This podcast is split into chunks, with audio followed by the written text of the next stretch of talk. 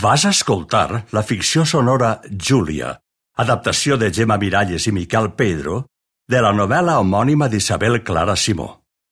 Un viatge a la revolució del petroli del coll, un moment històric en la nostra cultura. Capítol 4. Casar-se. Primera part.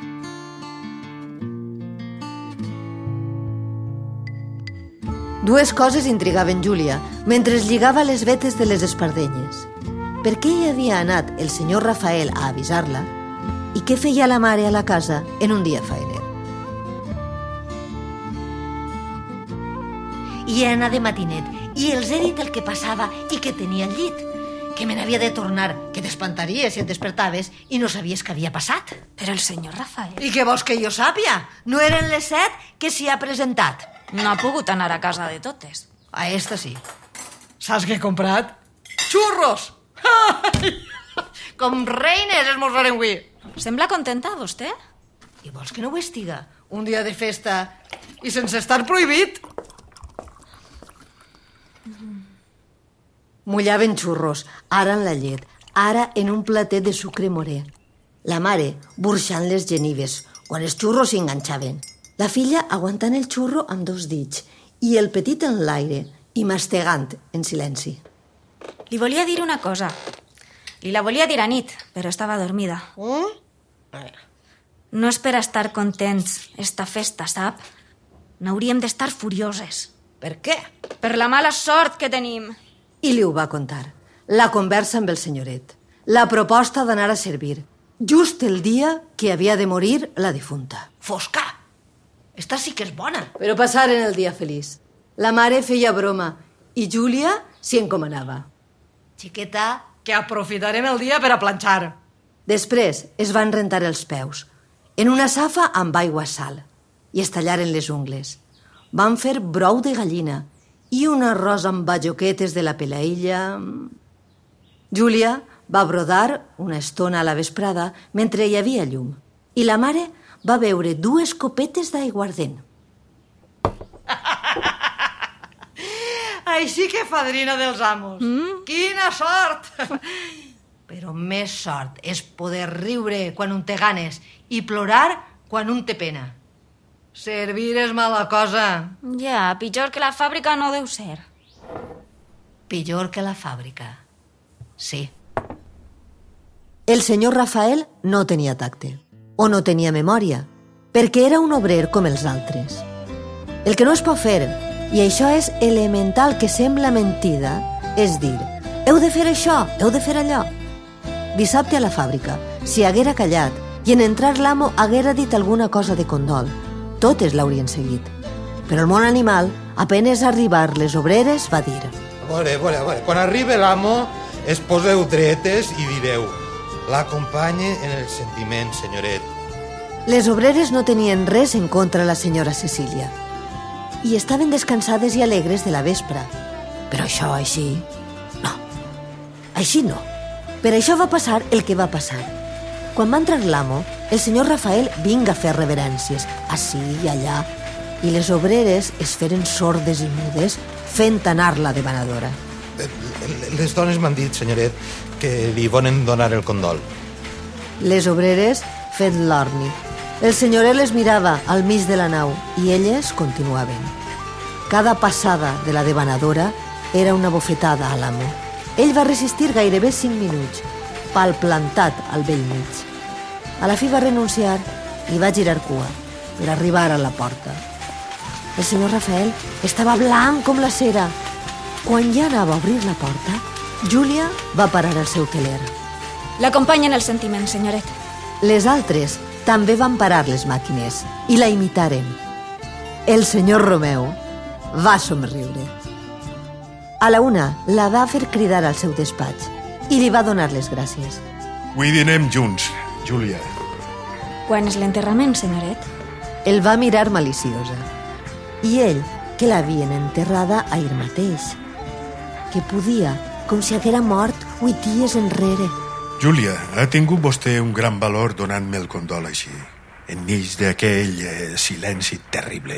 Totes li volíem donar, senyoret, però el senyor Rafael ho ha plantejat no com un compliment, sinó com una obligació. Això és... No sé com dir-ho. Ah, sí, és humiliant. Sí. Jo les comprenc a vostès més del que es pensen. Vostè ha tret la cara per mi. Li estic agraït i la convide a dinar. Ah. A la fonda, si li sembla bé. Júlia no va acceptar. Ni els dies següents tampoc. Ni va dir una paraula a la mare ni un mot al promès, que no va veure en tota la setmana. De fet, no sabia tampoc per què ho feia, això d'enlluernar-lo i fer-li somriures. Dissabte, però, va acceptar una cita. Ell li va pregar, amb tot de cauteles, que el buscara al cercle industrial. La farien passar ràpidament i serien discrets, que ell els n'hauria parlat. I les companyes? Com els dic que me n'he d'anar a vendinat? Que res, que faria que Rafael l'enviara un encàrrec. Júlia vivia com en somnis.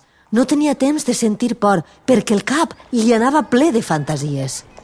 A la mare ni un mot. El trajecte, però, de la fàbrica al cercle industrial va ser amarg. I vaig d'amagat, com si fora una donota. I els talons, en repicar el terra, feien Josep Romeu, Josep Romeu, Josep Romeu. Per què està tan nerviosa? Semblem... No ho sé. Una cosa feta d'amagat no pot ser bona. No és el que vostè pensa, Júlia. Josep Romeu seia davant la taula, amb les mans posades a dalt del punt del bastó, els genolls separats, a una distància prudent de la xica. Ell també estava disgustat per aquesta entrevista, perquè no sabia com resoldre-la. Júlia, però, tenia els cabells arrissats, la cara feta d'ombres i de clarianes, i els ulls. Els ulls de Júlia plens de jovenesa i de por. I pot ser d'astúcia. I el panteix a les cines menudes i dures, com fruites. Jo no voldria que vostè pensara... La senyoreta Cecília l'acabem d'enterrar. No havia d'haver vingut. No sé en què pensava. És una cosa innocent, Júlia. Un mal pensat pot creure que busque qui em distraga en aquestes hores amargues. Però si vostè sabera com ha sigut la meva vida els últims dos anys... No estaven junts, em comprèn? Jo no puc eh, trobar-la a faltar, com un home troba a faltar una dona. Perquè si fora així, en fa dos que m'hauria buscat distracció. I vostè, que és una bona xica, no és una distracció. Eh, eh, és que... Eh, és que jo l'estime, Júlia. Fa dos mesos que no visc, que no puc dormir. Eh, Veig els seus ulls per tot arreu, amb les parpelles baixades, amb el seu davantal net com un gesmil. Jo, jo no puc. Em venen suors i malsons, però en cap cas voldria buscar-li el camí de l'infern. De l'infern. Sí, de l'infern, perquè sé la meua responsabilitat. Ja sé que festeja amb un obrer, però jo, jo vull casar-me. Amb el seu promès portaria una vida dura, carregada de fills, de malhumors i d'ombres a la bellesa. En canvi, jo no vaig amb intencions torçades. El promès. A mi no m'ha tocat mai cap home. Josep Romeu va tindre la temptació de donar-li el que demanara, de donar-li-ho tot, però era prudent. Els pèls del ventre se li erissaven mirant el tos de la xica, esquinxat de cabells, amb el mony enlairat al cap cot. Les aixelles li suaven i tot de gotetes li brillaven a sobre dels llavis. Me'n vaig, senyoret. Júlia s'havia posat dreta, sentia fàstic per ell i basarda per ella. Intuïa què podia demanar i que s'hi jugava moltes coses. Però el fàstic... El fàstic li havia endrapat la llengua i el vel del paladar. Hauria vomitat si no s'arriba al Sara. He dit de casar-nos, Júlia. Paraules. Vostè es casaria amb mi. Ai, no em fas a riure. No és que la desitge, Júlia. És que se m'ha ficat dins del cervell. És que jo la vull. I no sols com a dona. Mirava les cines que pujaven i baixaven. Júlia estava dreta, els palmells repenjats a la taula de marbre d'aquell reservat.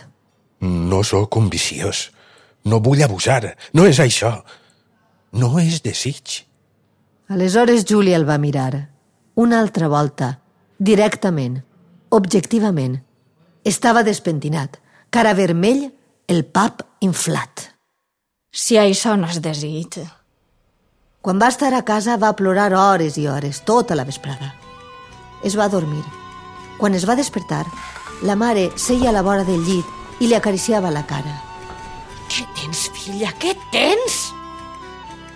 I ella se li va tirar al coll i va parlar i parlar del senyoret, de la bola que tenia a l'estómac quan el sentia parlar d'amor.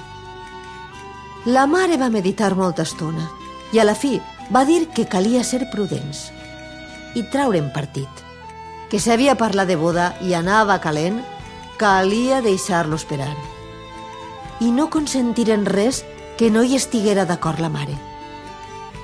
Diumenge es va quedar tot el dia a casa. Només havien dinat. La mare va baixar un moment al celler a comprar un quartet de vi. A les 5 va arribar Rafelet. Hola, Julià. Vicenta, què fan les cames? Botides, veges tu. Divendres, quan vam fer la festa... Ho vam aprofitar per fer netejar, nosaltres. Però no t'he vist en tota la setmana. Pensava si vostè no tenia algun treball. Ai, què vols, fill? Com sempre, treballs els que vulgues. Però mentre la corda aguante, eh? I és que Glòria estava preocupada. Diu La que... mare em va marmolar perquè arribava massa tard. Sent no haver-nos trobat, però isc de la fàbrica ben de pressa i a les nou i mitja ja ha arribat a casa. La mare diu que no són hores. Dona, sempre ho havien fet així. Estant jo per acompanyar-la no hauria de patir vostè.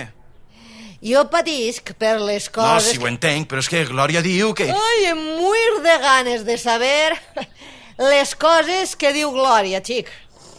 Que a vostè no li agrada no és motiu per a... En ma casa em donaràs lliçons.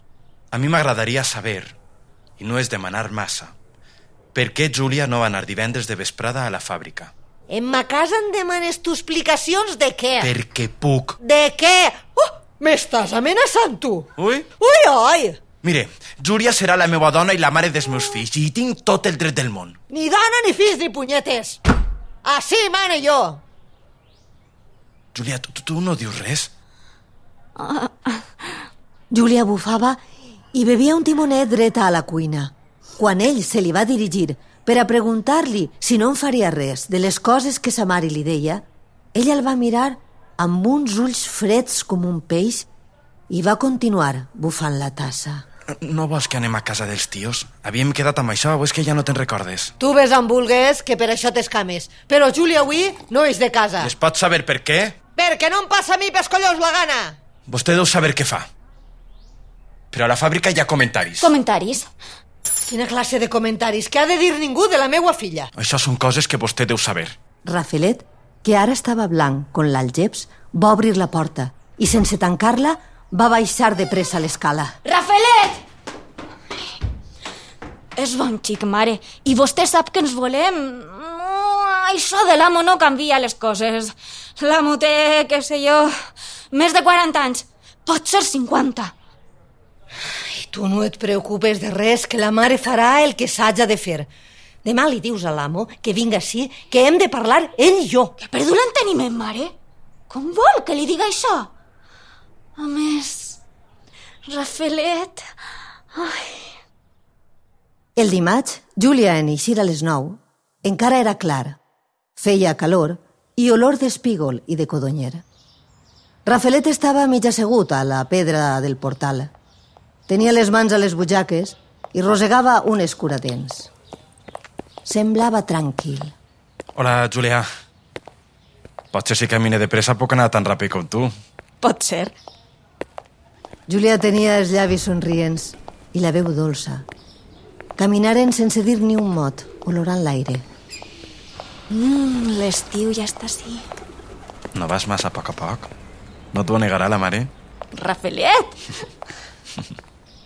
El va reptar ella baixet i li va allargar la mà. Ell la va agafar amb un nus en la gola i se li escaparen uns llagrimots rodons i pesats com el plom. No feia fosca i ella ho va veure. Júlia es deixava portar de la mà com un infant i ell l'agafava sense prémer-la com volent-li dir que si volia la podia retirar quan volguera.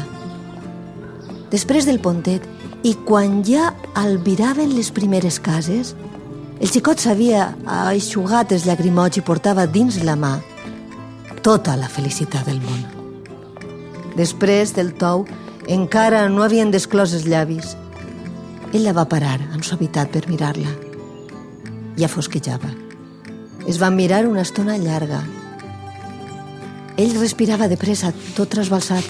Ella, calmada, el mirava amb una ombra de somriure a la boca i els ulls plens d'alegria se sentien sols i nets. La nit va engolir aquella llarga mirada.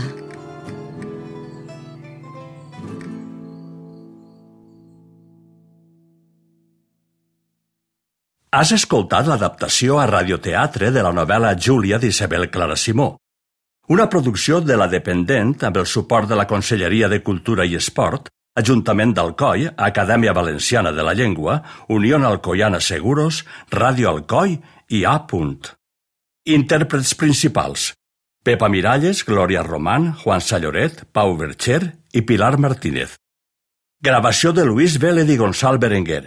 Editat per Adrià Sempere i Luis Vélez amb música de Cofre Antic i Rafael Arnal.